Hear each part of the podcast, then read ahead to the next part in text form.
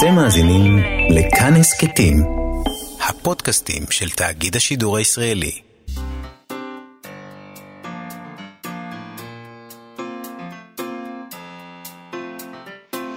מה שכרוך עם יובל אביבי ומה יעשה לה. שלום, אנחנו מה שכרוך בכאן תרבות, מגזין הספרות היומי שלכם. אתם מאזינים לנו ב-104.9 ו-105.3 FM, או באפליקציה של כאן, שאפשר למצוא בחנויות האפליקציות השונות. איתנו באולפן, איתי סופרין, סופרין על ההפקה, וחן עוז על הביצוע הטכני. השם תמיד, תמיד אני רוצה להגיד סופרים, כי זה כל כך מתבקש, איתי סופרים, אבל לא, זה סופרין. אה, שלום לכם ותודה, ושלום גם לך, יעשה לה? שלום, שלום. Uh, היום, על מה נדבר? נדבר עם יוסי סוכרי על הרומן החדש שלו, אמזלג, שראה אור עכשיו בהוצאת עם עובד, uh, והוא מציג בפנינו את אמזלג. עמנואל אמזלג, אינטלקטואל מזרחי שנפרד מאשתו, יותר נכון, היא נפרדת ממנו. הם נפרדים. הם נפרדים. Mm-hmm. והוא יוצא למין מסע פנימי וגם מסע חיצוני של חיפוש אחר בית, או עוגן, או משמעות, או מותגים טובים של לבוש. נכון, הוא גנדרן. הוא גנדרן. Mm-hmm. אני אוהב את זה שהוא גנדרן. Uh, יש שם הרבה כי בגדים... גם אתה קצת גנדרן. כן, אבל זה בדיוק העניין. אני מרגיש שהוא גנ... אמזלג הוא גנדרן כאילו איזה 7-8 רמות מעליי. נכון. זה מוציא לי את העיניים. כי אתה נגיד- אשכנזי והוא מזרחי, יש לו יותר סטייל ממך. יכול להיות, אבל יש לו גם, אה, יש שם כאילו כל מיני אזכורים של חולצות של ויvian וסטווד ב-1500 דולר, זה משהו שכאילו... אני לא... באיזה עולם אפשר כן, ב- לרכוש את הדבר הזה? בפולין לא, זה לא נהוג לה- הייתי- להוציא כסף על דברים כאלה. הייתי רוכש, אבל אה, במקום זה החלטתי לקנות אה, לעשות זיתים. ילדים. לא, החלטת לעשות ילדים כן. במקום זה. לא, גם נכון, אמזלג יש ילדים. זה נכון. חלק אה, מרכזי מהסיפור, נכון, העניין הזה, נכון. הילדים, ואיך לגדל אותם, ואיך להיות אבא טוב, ומה לתת להם ומה לא לתת להם, זה מסובך. ועוד בתל אביב, כאילו, אתה רוצה לתת להם את השורשים שלהם, אבל הם ילדים תל אביבים. מסובך. וגם אתה בעצ- בעצמך תל אביבי, כלומר, הוא, אמזלג. נכון. שזה חלק מה... במסע הזה שהוא יוצא אליו, יש את העניין הזה לגלות את של הזהות מה הוא. האמיתית שלו, בדיוק. ב- ב- יש שם איזה רגע שהוא לפחות חושב לעצמו, אני פשוט תל אביבי. כן. כאילו, זה מה שאני. אז אנחנו נדבר איתו על כל הדברים האלה, זה נשמע שאין לנו מספיק זמן בתוכנית שלנו לכל העניינים נכון. שהוא יש לי מעלה כמה שם. שאלות חשובות יש שם אליו. כמה שאלות. אה, נדבר גם עם צליל אברהם שלנו, בפינתה מחפשת עבודה. אנחנו נדבר איתה על כמה פסקאות יפות מאוד אה, מחמדת של הסופרת טוני מוריסון, שאיתה אנחנו מתחילים את התוכנית היום, כלת פרס נובל לספרות, פרס פוליצר, וגם מדליית החירות הנשיאותית של ארצות הברית, שמתה אתמול בגיל 88. נכון, ומבחינתי אי אפשר לשכוח, אני לא יכולה לשכוח את הרגע הזה בשנת 2012, שבו ברק אובמה, הנשיא אז, העניק לטוני מוריסון את המדליה הנשיאותית. זה ממש חקוק בי, הצילומים. ה image הזה. כן. זה היה רגע מאוד מאוד מרגש, איזו מין תחושה כזאת שפעמוני ההיסטוריה מצלצלים. נשיא שחור בארצות הברית של אמריקה מעניק לסופרת השחורה הגדולה של אמריקה, אה, שעסקה תמיד בסוגיות של מעמד השחורים, את המדליה הנשיאותית. אה, ונדמה שמאז העולם רק הולך ומידרדר, אבל אה, היה את הרגע ההוא. היה, זה הוא נכון. נחקק. זה היה את הרגע הזה, ו... היה רגע כזה, זה היה נדמה, כמו בהשבעה של אובמה, אגב, נכון. שהיה נדמה של, אוקיי, קרה משהו עכשיו בעולם. ויכול להיות אפילו שלא משנה מה קרה, מאז עדיין יש את הרגע יש הזה. את זה. זאת נכון. אומרת, היה איזה רגע שבו הכל היה פרוס לפנינו והייתה את ההבטחה הזאת. הייתה אפשרות. הייתה אפשרות. אמ, טוני מוריסון נולדה בשנת 1931 באוהיו, בת למשפחה ממעמד הפועלים. היא כתבה דוקטורט על הזרות ביצירתם של ויליאם פוקנר ווירג'יניה וולף. אה, בשנת 64 היא החלה לעבוד כעורכת בהוצאת רנדום האוס המשובחה. היא ערכה לא מעט ספרים ששימשו מאוחר יותר בסיס ללימודי שחורים בלימודי מגדר ולימודים פוסט-קולוניאליים. מאז 89 היא לימדה ספרות והיא לימדה לימודים אפרו-אמריקאים וכתיבה יוצרת באוניברסיטת פרינסטון. ספר הביקורים שלה יצא ב-1970, העין הכי כחולה, והכותרת של הספר, השם של הספר, מתייחס לאמירה שהיא שמעה מחברה שלה על כך שהיא הייתה רוצה עיניים כחולות, וטוני מוריסון ראתה בכך כמיהה מזעזעת שמסמלת שנאה עצמית והפנמה של הגזענות כלפי שחורים, הרצון הזה להיות לבן. להיות לבן. מהמם. ש, ש, ששוב, יש מין... אפשר להבין את זה, זה פשוט כאילו... כל כך כל כך הרבה יותר קל. להיות לבן זה בעצם אה, כאילו להיות ניטרלי בעולם הזה. זה להיות, לא כל הזמן להסתובב עם הצבע שלך עליך נכון. ועם הזהות שלך. אתה פשוט כאילו לבן, הדבר- אתה סתם הולך ברחוב. הדבר הטבעי בעולם המעוות שבו אנחנו חיים זה עיניים כחולות. זה כאילו הנורמה, כל דבר אחר זה איזה מין שיבוש. אז, אה, אז- אז באמת כאילו להיות בנורמה זה כל כך קל, זה חיים כל כך אחרים מאשר להיות כל הזמן המסומן הזה. אה, לאחר מכן באו עוד ספרים, כמובן, אה, ביניהם שיר השירים אשר לסולומון, ג'אז, אהבה, אה, הביתה, וכמובן הספר הכי מפורסם שלה שהעלה אותה אולי לגדולה, חמדת, שגם זיכה אותה בפרס הפוליצר. נכון. יובל פלוטקין מוויינט uh, הזכיר אתמול בהספד שלו ראיון שהיא העניקה לניו ריפבליק בשנות ה-80, שבו היא הציגה את עמדתה בנוגע לאופן שבו יש להפגיש את הפוליטיקה והספרות. היא אמרה כך: אני לא אוהבת כשמישהו מכנה את הספרים שלי פואטיים, כי יש לכך קונוטציה של מותרות ואושר. רציתי לשקם את השפה האמיתית של אנשים שחורים ולהשיב לה את הכוח המקורי שלה. כיוונתי לשפה שיש בה אושר, אך שאינה מצועצעת.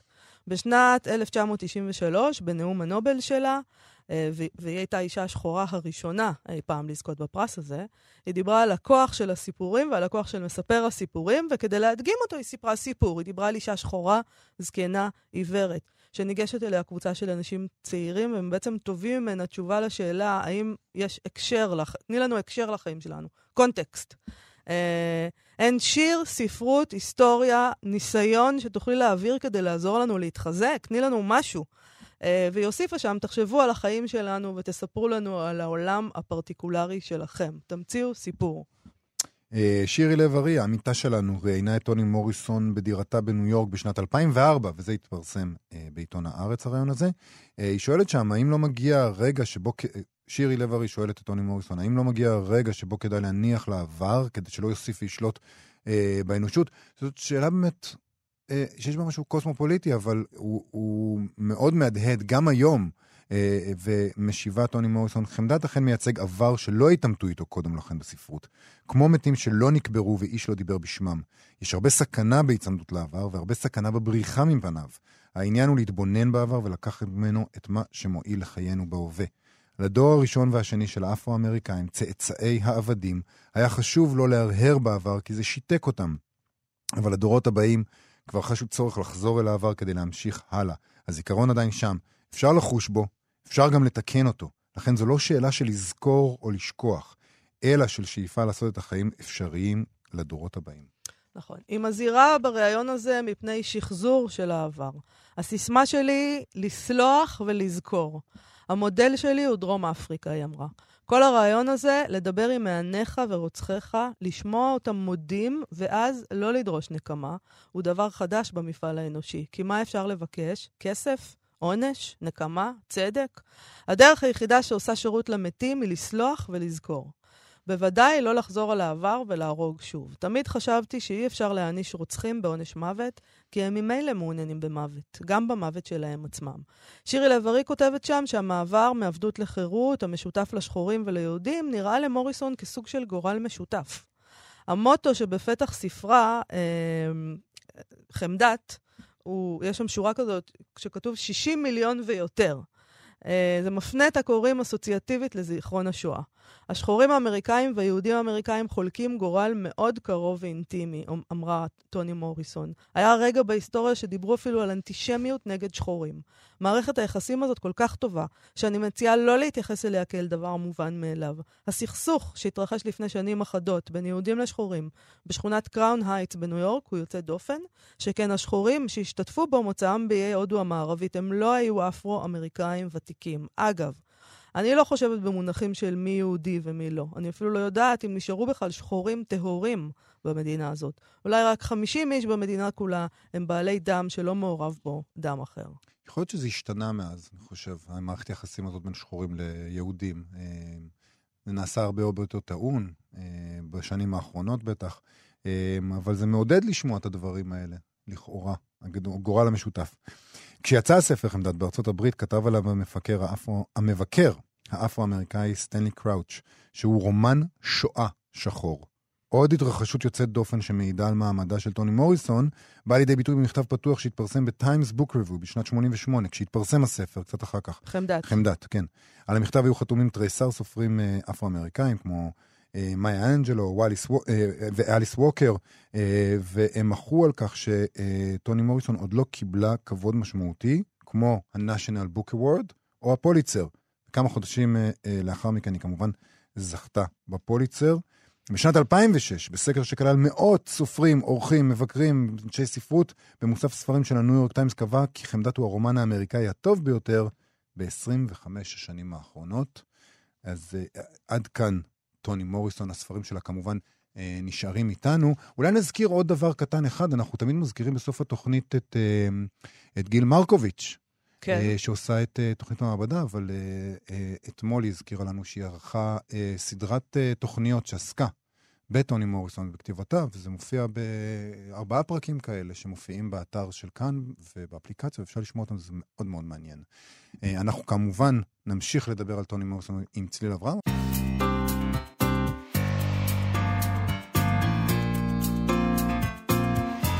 כאן תרבות, מה שקראו, חזרנו, אה, עמנואל אמזלג, חזרנו איתו. כן, הוא פה. הוא תל אביבי, הוא מזרחי, הוא אינטלקטואל, הוא גנדרן. בגיל 50 הוא נפרד מאשתו, או היא נפרדה ממנו.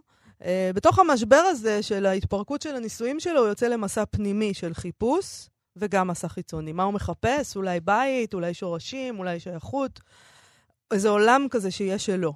כל זה ברומן החדש של הסופר יוסי סוכרי, זוכה פרס ברנר לשנת 2014, על ספרו בנגזי ברגן בלזן. קדמו לו הספרים אמיליה ומלח הארץ, מקלטור ולא תקין רומנטית. שלום יוסי סוכרי. היי, שלום, מה שלומכם? בסדר גמור. אז מה הוא מחפש, עמנואל אמזלג, ידידנו? אני חושב, ש... אני חושב שהוא מחפש אולי את מה שאנשים אחרים גם כן מחפשים, אבל uh, אולי לא, בכזו, uh, לא בכזה להט ולא בכזאת כפייתיות, uh, כי אולי זה לא, מס... לא מספיק חסר להם.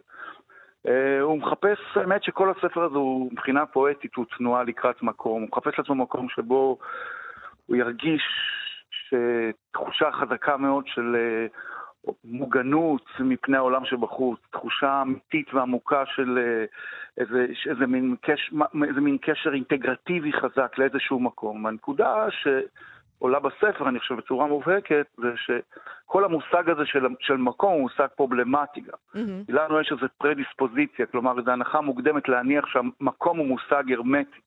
וכשאתה מפרק את זה, אתה בכלל שואל את השאלה מה זה אומר מקום, האם יש בכלל דבר כזה מקום. ואת זה אני יכול להרחיב, אבל אני לא חושב שכרגע זה... אני רוצה ל, אה, לתת דוגמה, זאת אומרת, למסקנות שלו.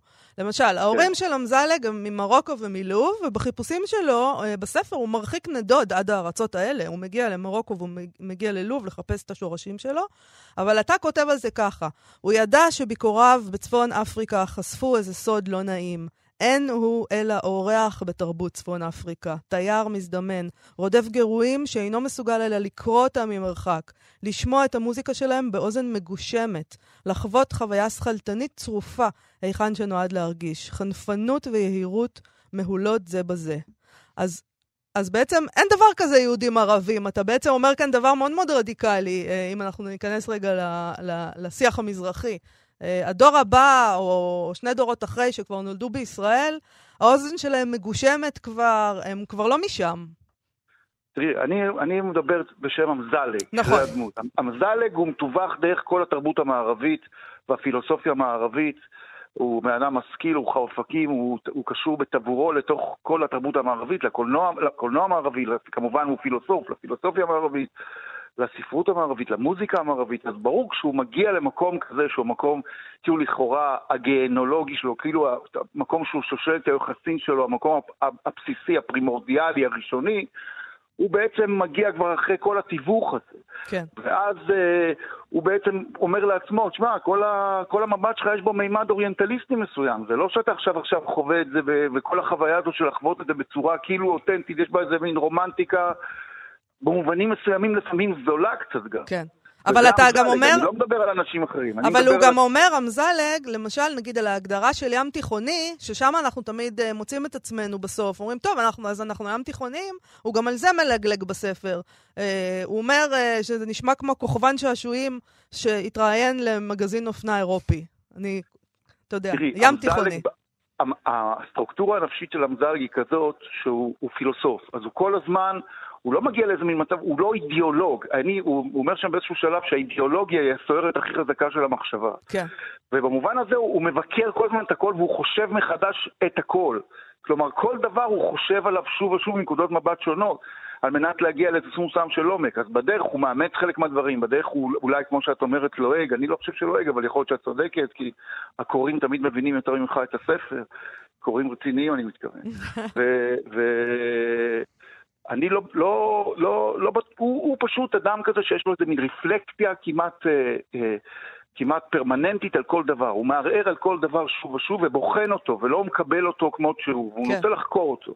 יש אבל תחושה אבל של כן של היררכיה. מה הם הערכים הנכונים? עכשיו, אה, אמזלג הוא, הוא בן אדם שבאמת אוהב את הפילוסופיה, שהוא אה, מנסה ללכת, לפעול לפיה, הוא, הוא מצטט הוגים, מצד שני, הוא, כמו שאנחנו אמרנו את זה, הוא גנדרן, הוא אוהב לחיות טוב, הוא אוהב להתלבש טוב, הוא, הוא מפזר, אתה מפזר שם שמות של מותגים, אה, מותגי עילית כאלה שהוא קונה אותם למרות משכורתו הצנועה, אבל יש תחושה שיש היררכיה של הערכים האלה. זה באמת מי שהוא, הפילוסוף, המערבי, הגנדרן, אבל בעצם, בעצם, בעצם, הוא כן צריך לחזור לזהות האמיתית שלו. הוא מגיע לזהות הזו, הוא מגלה שהוא לא יכול כבר לחזור לשם, הוא תקוע בלימבו הזה בין הערכים האותנטיים ובין הזיוף שהוא בעצם מי שהוא באמת. זו התחושה. שמע, אני, אני לא יודע, אני יכול להגיד לך שהמערך הזהות של... אני חושב שזה ספר יותר על זרות מאשר על זהות. מהמם. הזהות היא עקרונית, היא מטאפיזית, היא לא קשורה... הזהות של אמזלג היא זהות עקרונית בעולם, היא לא קשורה לקונסטלציה תרבותית או קונסטלציה זהותית. הוא אומר שמתחת לכל הדברים, תמיד נוח לנו לחשוב שזהות של מישהו קשורה בזה שהוא נגיד חריג חברתי או חריג אתני או חריג כלכלי, אבל מתחת לכל... כי את זה אפשר לכמת, to כן. quantify, אפשר לכמת את זה בכף. אבל אמזדלג מצביע על זה שמתחת לכל החריגויות האלה יש חג... חריגות הרבה יותר משמעותית, שהיא חריגות עקרונית, שהיא זרות וחריגות עקרונית שלא קשורה בכל הדברים הללו, והדברים הללו הם מעטה חיצוני. עכשיו, אה, אתה אומר אבל שאתה מדבר בשמו, אבל בעצם נשמע כאילו, כן, יש פה איזושהי אמירה על אדם באשר הוא אדם. גם מי שאינו נכון, אמזלג, נכון, גם נכון. אשכנזים בישראל מרגישים את לגמרי, הזרות הזאת, לגמרי, לגמרי, גם לבנים לגמרי. בארצות הברית, אם יש להם לגמרי. תודעה מינימלית, מרגישים את זה. לגמרי, לגמרי, לגמרי, אתה צודק לחלוטין. ובמובן הזה, נכין, לא, לא, לא הייתי רוצה שהם יספגו את אמזלג בכלל בהקשר כאילו רק המזרחי, ברור שלא. כאילו, במובן הזה מדובר, זה כמו ש... זה כמו שאני יודע מה, שהגיבור של אה, אפלפלד או של גרוסמן חוזר לשורשים שלו, זה באותה מידה, השורשים שלו הם נניח פולנים, אז השורשים של אמזלג הם צפון אפריקאים. אבל יש איזו תחושה אצל סופרים אחרים, שבאמת החזרה לשורשים היא, היא משהו שמנחם, משהו שאתה נולד מחדש וחוזר נכון. אל עצמך. הוא כאילו גם לא ביקורתי, אתה מאוד מאוד ביקורתי לגבי הדבר הזה בסופו של דבר. זאת אומרת, לא הייתי ביקורתי לגבי הניסיון לחזור לשירוש, לשורשים, כמו התוצאה של הדבר הזה היא חוסר נכון. היכולת לחזור. ובסופו לעשות. של נכון, דבר נכון, זה, נכון, זה רומן נכון, אקזיסטנציאליסטי, שאומר, נכון, עזבו נכון. לחפש משמעות, אין משמעות, אתם יכולים ללכת לבגדים, אתם יכולים ללכת לפילוסופיה, אתם יכולים ללכת ללוב. אני ל- לא ל- מסכימה עם לא? זה. רגע, אבל בואי ניתן לסוכריה לדבר. אקזיסטנציאליסטי או לא? יש פה מימד קיומי עמוק, אני לא יודע אם זה אקזיסטנציאליסטי במובן, אה, נניח, אה, היה איזה מישהו שכתב אה, בפייסבוק שזה רומן האתגריאני, אני לא יודע, אתה יודע, זה לא, אני לא יודע אם זה, זה ברור שיש פה אספקטים שהם קיומיים עמוקים. אני גם לא, לא, זה, אני לא חושב שזה רומן פוסט-מודרני במובן הזה שהוא, שהוא כאילו לא מדבר על זה שאין הבחנות בין הדברים השונים מבחינת ההיררכיה. ובמובן הזה אני חושב שהוא לא כזה. אה, אני לא, זה חושבת לא ניהליזם. שלהגיד, אני חושבת שזה לא נכון להגיד שבסופו של דבר הוא אומר שאין משמעות. נכון, כי בגלל בסופו הסוף. של דבר הוא מחליט אה, להקים בית ספר. אם כן. מותר להגיד. אז- בדיוק, אז יש משהו, בדיוק, נכון, הוא מוצא נכון, איזה נכון, משמעות הוא בחינוך. מחליט להקים בית ספר ש, ש, ולשרש, והבית ספר הזה אמור לשרש או להתחיל לשרש את, את ההגזעה בחברה הישראלית, ובכלל לפחות לעשות פעולה מינורית, עד כמה שבית ספר כזה יכול לעשות אותה, אבל אין ספק שבסופו של דבר יש כאן אקט של פעולה. זה לא רומן ניהליסטי, זה רומן של פעולה. נכון. בסופו כן. של דבר יש פה משהו של פעולה, אין פה איזה מין התמוטטות ערכים והיכנסות לפסיביות, להפך. בו מתוך הקושי, מתוך הסבל, גם אמזלג הוא לא בן אדם של טרוניות, אני לא יודע אם שמתם לב לזה, אבל הוא לא כל היום בא בטרוניות, הוא אומר, אוקיי, בוא נעשה את זה וזה וזה, הוא, הוא שופט הכל באופן שכלתני, והוא באמת מדבר על זה שחזרה לקראת איזה סוג מסוים של שורשים, יש בה גם, אה, וכמקום כזה שהוא זה שמעניק את המשמעות, החזרה הזאת יש בה משהו טיפה מדומיין לפעמים, כאילו, כן. כי... ויש פה הימור על ישראל, זאת אומרת, הוא אומר לעצמו, אוקיי, הייתי שם, הייתי בפילוסופיה המערבית, הייתי בלוב, גיליתי שלא זה ולא זה. אנחנו פה, אנחנו בישראל, אנחנו מקים בית ספר ישראלי, יש פה הימור על ישראל, נכון. יש פה הימור על דור העתיד, כי לא דיברנו על זה עדיין, אבל הילדים שלו, שני הילדים שלו, הם חלק מאוד מאוד מרכזי מהסיפור. הדרך להיות אבא טוב, מה צריך לתת, מה נכון. צריך, לח... מה- איפה צריך להיות תקיף, איפה צריך להיות נכון. מפנק. ו- ובעצם נכון. הוא מהמר על הילדים שלו, והוא אומר, הילדים שלי בעצם בהשלכה בהקמת הבית ספר, הילדים שלי יחיו בישראל והם יהיו האדם החדש הזה, זה יהיה השורשים שלהם. לא, אני לא- אני לא יודע אם הוא מה- הוא מהמר במובן החיובי, אתה מתכוון, מהמר כן. כאילו שם את הקלפים עליהם, כן, כאילו, זאת אומרת. הוא כאילו חושב שהם, ברור, כלומר, שהוא באמת חושב שהוא, שבוא נבנה כאן איזה מסוים של דור חדש, בוא נתחיל את הכל באיזשהו אופן מחדש, במקום שהוא כזה נטול הגזעה, נטול גזענות, נטול דעות קדומות. כי אמזלג עצמו, כאילו, הוא אומר, הוא אומר שם, הוא אומר, הוא- כשהוא חוזר מהמסע שלו, אז הוא אומר, אני בעצם עובר מחוץ אחד לחוץ אחר. כן. הוא אף פעם גם, הוא לא מרגיש כאילו שהוא הגיע לאיזשהו מקום, ובאמצעות הפעולות שהוא רוצה לעשות, בסופו של דבר, בני דור העתיד והילדים שלו ירגישו נדבך אינטגרטיבי עמוק של המקום הזה, בטח הרבה יותר ממנו, שהוא תלוש גם מהמקום וגם מחוץ למקום. לפני סיום, אני רוצה לשאול אותך שאלה שאסור לשאול, ואם מישהו אחר היה שואל אותה, הייתי שונא אותו על זה שהוא שואל אותה. אז אולי תחשוב עוד פעם. רגע, לא, לא, רגע, תחשוב שנייה. תחשוב. לא, לא. אולי לא. אתה זה אמזלג? בדיוק. יש קווי דמיון, יש. קווי דמיון. אוי, לא. אז תשאל את זה בצורה מתוחכמת. אוקיי, אני אשאל. אני אשאל בצורה, אני אלמד אותך. סוכרי, אתה מרגיש כן. כמו אמזלג? אתה מזדהה איתו? אתה גם- אתה- אופטימי כמוהו בסופו של דבר? נגיד, אתה אני- יכול אני- לבנות אני על דור העתיד? תראי, אני לא יודעת, אני לא תמיד שופט את הדברים בקטגוריות של פסימיות ואופטימיות, כי בסופו של דבר כולנו נמות בסוף, אז אני לא יודע מה נכון. וזה נורא- ואיום. לא, זהו, זה לא נורא בהכרח דבר פסימי לומר. אני אדם שאוהב מאוד את החיים. אני אדם שמאוד מאוד אוהב את החיים. ואני אה, אוהב את אמזלג, אני מאוד מאוד אוהב את אמזלג, אני אוהב את העובדה שהוא- שהזהות שלו מאוד מורכבת, שהוא לא ניתן לקל- לקלסיפיקציה מהירה, שאי אפשר לשים אותו ברובריקה ברורה, ואני חושב שהמהלך שלו בסופו של דבר הוא מהלך של הרבה מאוד אופטימיות. אתה יודע, הרבי מלובביץ' אמר משפט מאוד חשוב, הוא אמר, העוצמות נמצאות בנפש האופטימי, כן. ואני חושב שבמובן הזה זה נכון, אה. לגבי אמזלג בסוף. אוקיי, אמ, אני, אתה חושש מהתגובות של אה, כל מיני אנשים בשיח המזרחי? כי יש שם אה, לא. משהו שמאוד מערער על השיח שלהם. לא, אני חושב שגם יש מערער על דברים. תראי, אני כבר לא, לא חושב שיש משהו מערער ב, על השיח שלהם. בסופו של דבר אמזלג הוא מזרחי, אבל הוא מזרחי כאילו שלא מזרחי הסטריאוטיפי. אתה יודע, כן. כאילו מישהו אמר לי, מה, מה, מישהי דווקא אשכנזי אחת אמרה לי, בואנה, כל המורכבות של אמזלג וכל המחשבות שלו וכל זה, למה לא קראת לו הירשפלד? אמרתי לה, אתה מה מה אתה אומרת? אוי, זה היה נהדר, אם היה כתוב הירשפלד במקום אמזלג על. הכריכה. לא, אבל יש שם איזה משהו שאתה, למשל, אה, יש שם גם הרבה הומור, אז למשל אתה צוחק על אמזלג, על, אולי על עצמך, אולי על גברים מזרחים, אני לא יודעת. אה, על העניין הזה שהם מדברים שחור ומשתוקקים ללבן. אה, שאנשים- מזרחים אחרים, חס וחלילה. אוקיי, אוקיי, אוקיי. אנשים, בבית אחותי סונטות בו על זה שהוא כן. בעצם לא יוצא אף פעם. כן, נכון, הן צוחקות עליו, והן אומרות לו, בואנה, כל הדיבור שלך הזה וזה על המזרח. בסוף כל החברות שלך אשכנזיות. נכון. הפרט הזה, בוא נגיד, אה, כמעט בין היחידים בספר שהוא נכון גם לגביי. אוקיי. לא, אתה גם מתלבש טוב, למה אתה אומר? כישלון כאן.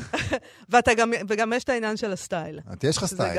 יש לך. חולצות של ויויאן אה, ווסטווד? כן, זה כן. זה, גם כשלא היה לי מה לאכול. והייתי מלווה פתית משכנות, הייתי קונה. פול סמית. עניין של סדרי עדיפויות, זה טוב מאוד. אה, יוסי סוכרי, אה, דיברנו על אמזלג שיצא בהוצאת עם עובד, ספר חדש, תודה רבה לך. תודה רבה. תודה רבה לכם. תודה להתראות.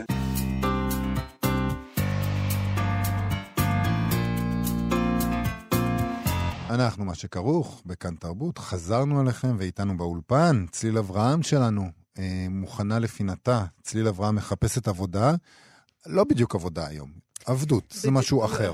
לא יודעת, תלוי. אולי זה לא ש- משהו אחר. אנחנו תכף נדבר, אנחנו תכף נדבר גם על זה. בין עבדות לעבודה, ואנחנו חוזרים, כאמור, כפי שהבטחנו, לטוני מוריסון, לחמדת. שלום כן, צליל. שלום מאיה, שלום יובל. כן, אני אקרא קטע נורא יפה מתוך חמדת. אני חושבת שאנחנו הרבה, הרבה פעמים משתמשים גם בפינה הזאת וגם בכלל בעבדות כמטאפורה, או כ... משתמשים בהשאלה נכון. בעולם המונחים של העבדות כדי לדבר על עבודה שבה אנחנו רואים שאין לאנשים בחירה. אה, חמדת זה ספר שמשנה לחלוטין באופן בלתי הפיך את התפיסה של עבדות. כן. אה, עבדות היא לא עבודה קשה בשכר נמוך. זהו, זה גורם לך להרגיש מאוד אשם על כל הפעמים שבהם השתמשת בזה כמטאפורה. לא, זה גורם לך להבין מה זה עבדות.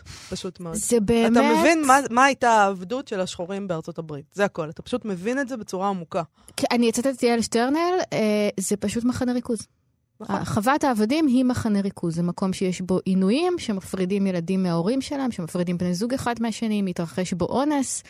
זה הרבה מעבר לעבודה קשה שאין ממנה דרך חזרה, וחמדת פורט את הדברים האלה באופן מאוד מפורט וקשה מנשוא. זה ספר שצריך ככה הפסקה של איזה יום-יומיים בין פרק לפרק. וגם אם את כבר uh, מדברת על, ה, על, ה, על השואה, אז uh, בעצם חמדת עוסק בניצולים. זאת אומרת, הוא גם מתאר לך את השואה הזאת, אבל הוא בעצם מתאר, הוא מדבר על הדבר הזה של ניצולים. שאנחנו מד- מכירים אותו, את המושג הזה של ניצולים, מהעניין הזה של השואה של היהודים. כן, מה קורה עם טראומה. הניצולים? הוא בדיוק. מדבר על התמודדות של קהילה עם טראומה מורכבת מאוד, וכאילו העבדות נגמרה ו... אוקיי, מה עכשיו? מה אחרי שהעבדות נגמרה? והוא הוא ממש מתאר... וזה באמת מזכיר ספרים ישראליים על, על קהילות שבשנות ה-50 אחרי השואה. אנשים שנאחזים במי שהם הכירו אחד בשני, אח של זה והדוד של זה, ומתחילים לבנות איזשהו בית ממה שיש, וכל אחד סוחב איתו שדים. דברים שבלתי אפשרי אפילו לדבר עליהם. עכשיו גם נדמה לנו, צריך לשים את זה בקונטקסט, תמיד כשמדברים על העבדות בארצות הברית, הרושם הראשוני שזה היה לפני המון זמן, שזה היה, שזה איזו היסטוריה כזאת. אבל זה קרה לא מזמן כל כך. יש אנשים חיים שהם צאצאים של... כן, ש... זאת אומרת- לא, זה, טוב, זה דבר טיפשי להגיד, אבל... אבל ש... טוני מוריסון, הסבא שלה היה עבד. כן, בדיוק, לזה מאוד. התכוונתי. כן. אנשים חיים כן. שהכירו, שבני משפחתם שהם זכו כן. להכיר. והספר הזה, חמדת, הוא גם מבוסס על, על חייה של שפחה אמיתית, שקראו לה מרגרט גרנר. Uh, בקטע הזה בספר, uh, היא מתארת איך ה... ה- ה- ה- חמותה של הגיבורה בספר, שהיא uh, שפחה זקנה שנקראת בייבי סאקס, Uh, בעצם אחרי שהיא מצליחה להיחלץ מהעבדות, אחרי שהבן שלה עובד כדי לשחרר אותה, אז היא נהיית איזה מין מוקד עלייה לרגל של אה, עבדים ושפחות שהצליחו לברוח, והיא מקבצת אותם שם, והיא נהיית כמו מין אה, מנהיגה רוחנית שלהם. אה, אז אני אתחיל לקרוא, 124 זה הצריף שבו היא חיה המשפחה שלה בחווה. לפני ש-124 וכל מי, ש... מי שבו פרשו התעטפו והסתגרו, לפני שהמקום הפך שעשוע לשדים ורוחות ולביתם של מרוטי עצבים, היה 124 בית עליז והומה, שבייבי סאגס, אישה קדושה, אהבה בו, התריעה, האכילה, ייסרה והרגיעה. לא סיר אחד אלא שניים זמזמו שם תמיד על התנור, והמנורה דלקה כל הלילה. אנשים זרים מצאו שם מנוח בעוד ילדים מנסים את נעליהם. אנשים השאירו שם הודעות כי ידעו שמי שזקוק להן עתיד להזדמן לשם ביום מן הימים. השיחה הייתה מתנהלת בקול נמוך וענייני, שכן בייבי סאגס, אישה קדושה, לא עודדה תוספות. צריך לדעת את המידה, אמרה, ועוד אמרה, טוב זה לדעת מתי להפסיק. בחזית של 124 הזה ירדה סת'ה מקרון והתינוקת קשורה לחזה. סת'ה זאת הגיבורה של הספר, היא שפחה שברחה. וחשה לראשונה בחום זרועותיה הרחבות של חמותה, אשר הצליחה להגיע לסינסינטי. האישה שהחליטה שמאחר שחיי העבדות שברו לה את הרגליים, את הגב, את הראש, את העיניים, את הידיים, את הכליות, את הרחם ואת הלשון, לא נותר לה ממה להתפרנס, אלא מהלב, ואותו רתמה מיד לעבודה. היא סירבה שיקשרו תארי כבוד, היא הטיפה מבימות שונות, ופ... סליחה, היא סירבה שיקשרו תארי כבוד לפני שמה, היא רק התירה לטיפה, לטיפה קלה אחריו והפכה למטיף בלי כנסייה. מטיף בלי כנסייה. כן. ועכשיו יש תיאור של ההטפה, זה הולך להיות קצת דתי. אחרי שתפסה את מקומה על סלע ענק שטוח בצידה, והרכינה בייבי סאגס את ראשה והתפללה חרש. החבורה צפתה בה מן העצים. הם ידעו שתהיה מוכנה ברגע שתניח מידה את המקל. אז צעקה, תנו לילדים לבוא אליי, והם רצו ובאו אליה מבין העצים. תנו לאמותיכם לשמוע את הצחוק שלכם, אמרה להם. והיער הדהד. המבוגרים הביטו, לא התאפקו וחייכו גם הם. ואז תנו לגברים לבוא אליי, צעקה. והם פסעו זה אחר זה מבין העצים המהדהדים. תנו לנשים ולילדים לראות איך אתם רוקדים, אמרה להם, והאדמה חיה רעדה תחת רגליהם. לפחות, לבסוף קראה אליה את הנשים. בכו, אמרה להן. בכו על המתים ועל החיים. רק בכו. והנשים בכו מרה ולא כיסו את עיניהן. כך, כאן אמרה, במקום הזה ממש אנחנו בשר. בשר שבוכה ובשר שצוחק, בשר שרוקד ברגליים יחפות בעשב. תאהבו אותו, את הבשר הזה, תאהבו אותו חזק. ההם שם לא אוהבים את הבשר שלכם, ההם שם בזים לו, וההם שם לא אוהבים את העיניים שלכם. ההם שם היו מעדיפים לנקר אותן. גם את האור על הגב שלכם, ההם שם לא אוהבים, ההם שם פושטים אותו. וגם את הידיים שלכם. הו בני עמי, ההם שם לא אוהבים, רק משתמשים בהן, קושרים אותן, כובלים אותן, גודעים אותן ומשאירים ריק. פשוט כתיבה מדהימה. נמשיך? כן, תקריא עוד קצת מזה, כי זה יפה איך שזה ממשיך. תאהבו את הידיים שלכם, תאהבו אותן, תרימו אותן, תנשקו אותן. תיגעו בהן באחרים, תחליקו אותן אחת בשנייה, תלטפו בהן את הפנים שלכם, כי גם את הפנים שלכם ההם שם לא אוהבים. אתם צריכים לאהוב אותן, אתם. כי על אליי גם לפה שלכם, ההם שם אין להם אהבה. ההם שם ידאגו לשבור אותו ועוד פעם לשבור אותו. מה שאתם אומרים בפה שלכם לא מעניין אותם. מה שאתם צורכים בפה שלכם לא מגיע לאוזניים שלהם. מה שאתם שמים בו בשביל להאכיל את הגוף שלכם, ההם שם יחטפו מכם וישימו במקומו פסולת. אתם צריכים לאהוב אותו. זה כמובן, אה, ברגע ששלחת לנו את הקטע הזה ואמרת שזה מה שאת אומרת אה, לקרוא פה, אמרתי, וואו, זה נורא מזכיר את טאנה-האסי קוטס, שמדבר על ה... הכל מזכיר אותו, אבל כשהוא מדבר על הגוף, על גזילת הגוף הגברי השחור... עם כל הכבוד, אולי אה, הוא מזכיר אותה. ודאי, כן? ואני אומר, לא, לא, לא, לא, ברור, ודאי רואים שהוא מאוד מאוד הושפע מהדיבור הזה, והדיבור הזה, הכתיבה הזאת על הגוף, זה באמת השלב המאוד מאוד מוקדם של מה שהוא מתאר. אה, המקום הזה שבו, בזכות הדבר הזה, שהוא עבודה, עבדות, מחנה ריכוז, כמו שכינית את זה, אה, גוזלים לך את הגוף שלך במובן הכי אה, עמוק, ולא מאפשרים לך יותר להרגיש אה, את האהבה לגוף שלך. והצעד הראשון בדרך לריפוי זה לא להאשים באמת את האחר, לא לבוא אליו בטענות, אלא להגיד לעצמך, אני האדם הזה, אני לא רק המכונה, אני לא רק הגב הזה שהצליפו בו, אני לא רק הדבר הזה שהוא, שהוא מכשיר של עבודה, אני בן אדם, אני יכול לרקוד, אני יכול לאהוב, אני יכול לאכול. אני, אני, לא, רואה את אני לא רואה את הדברים כמוך, אני נורא מצטערת. אני חושבת שטאנה אייסי קוטס אה, זה, זה טקסטים של אה, אדם שכותב עכשיו באמריקה. שבה יש בעיה רצינית לשחורים ו- וכל הדבר הזה, אבל אין לזה שום קשר לעבדות ואין לזה שום קשר, זאת אומרת, הוא, הוא יכול להיות שהוא נין מצאצאיה של טוני מוריסון. בסדר גמור, אבל הדבר הזה שיובל מדבר על, על הגוף שהוא מדבר, קוטס, ועל הגוף, באופן שבו טוני מוריסון מדברת על עבדות, יש פער מאוד מאוד גדול. זאת אומרת, הטקסט שלו, אתה יודע, זה לא, לא מתאר את זה בכלל. לא, היא מתארת כן... עבדות, אתה מדבר ריפוי, לא לבוא בהאשמה. מה זאת אומרת לא לבוא בהאשמה? זה אנשים פה שעברו עינויים קשים, איך זה לא, לא. איזה לא לבוא בהאשמה? לא, איך אפשר להגיד את זה אני בכלל? אני מדבר על הטקסט הזה. קודם כל, אני חושב שאם קוראים את טאנה הסיקרוץ, בהחלט רואים יש, קשר ישיר יש, למה אני, שהיא כותבת. אצל טוני מוריסון יש האשמה, ברור שיש האשמה. בוודאי שיש האשמה. היא מדברת על הלבנים בצורה, היא מתארת מה שהם עושים. יש האשמה, אבל הקטע הזה ספציפית מדבר על משהו שאתה עושה לבד עם עצמך, עם כל הדברים שעשו לך, ועם כל המטען, ועם כל מה שעשו, יש לו משהו שאתה עושה אותו בתוך הקהילה שלך, בינך לבין עצמך. אה, אנשים שחורים שלוקחים שוב בעלות על הגוף שלהם, וזה בהחלט אפשר לראות איך אה, טאנה הסיקוטס שואב מהדבר הזה. כמובן שהוא הגיע שני, אבל אני לא, אני בטוח שזה לא, שם. לא, לא, זה לא העניין של הגיע שני. אני מדברת על זה שאני מתכוונת לזה שהוא מדבר כבר על מצב אחר של השחורים באמריקה, אתה מבין? אתם בעצם נוגעים בשאלה שהיא מאוד יסודית גם בשיח על עבדות היום באמריקה, והיא האם מה שקורה עכשיו לשחורים בארצות הברית זה המשך של העבדות או לא. שעבדות mm-hmm. זה עולם אחר, זה פלנטה אחרת, אי אפשר להשוות את זה לכל הצרות שיש. אה, לשחורים היום, או כמו שטענה הסיקוט טוען, אני חושבת, אם אני מבינה נכון, אמריקה עושקת את הגוף של האדם השחור, היא עשתה את זה אז דרך העבדות, והיא עושה את זה היום באמצעים אחרים. Mm-hmm. ומה שהיא מתארת כאן זה את ההתחלה של ההבנה של התמודדות עם טראומה פסיכולוגית כל כך מורכבת, שגורמת להפנמה של שנאה עצמית.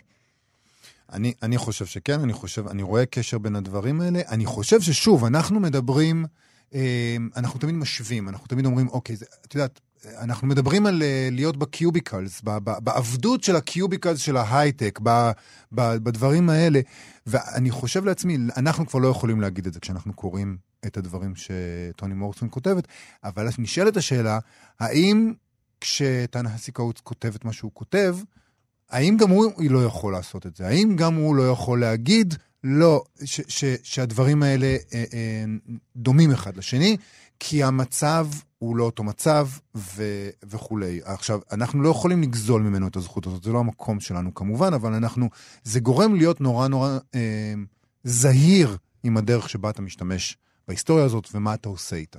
אני לא חושבת שאנחנו צריכים לאסור גם על עצמנו לעשות את ההשוואה הזאת, אבל כן הקריאה של טוני מוריסון למשל, או של... אה... אה, כותבים אחרים, אה, מאפשרת להבין יותר טוב מה המשמעות של העבדות, ולא כשמכירים אותה רק דרך האנלוגיות האלה, והוא גם כותב על זה, זה משהו שגרם לי להבין היטב כמה התפיסה שלי של זה הייתה מוטעית. העבדות היא לא איזה משל. אנשים כמונו עם התודעה שלנו והרגשות שלנו חיו את החיים האלה עד שהם מתו. הם ידעו שהם אסירים, הם ידעו שהם רוצים חופש, הם סבלו. זה לא כזה זה מה שהם הכירו וזה היה העולם שלהם, ובסוף זה נגמר באיזה גאולה, איזה סיפור יפה שה, שהסיום שלו הוא חירות. אה, כן, אני מסכים. תודה רבה שהבאת לנו את הקטע הזה. תודה רבה. תודה ציל אברהם. ציל אברהם, מחפשת עבודה.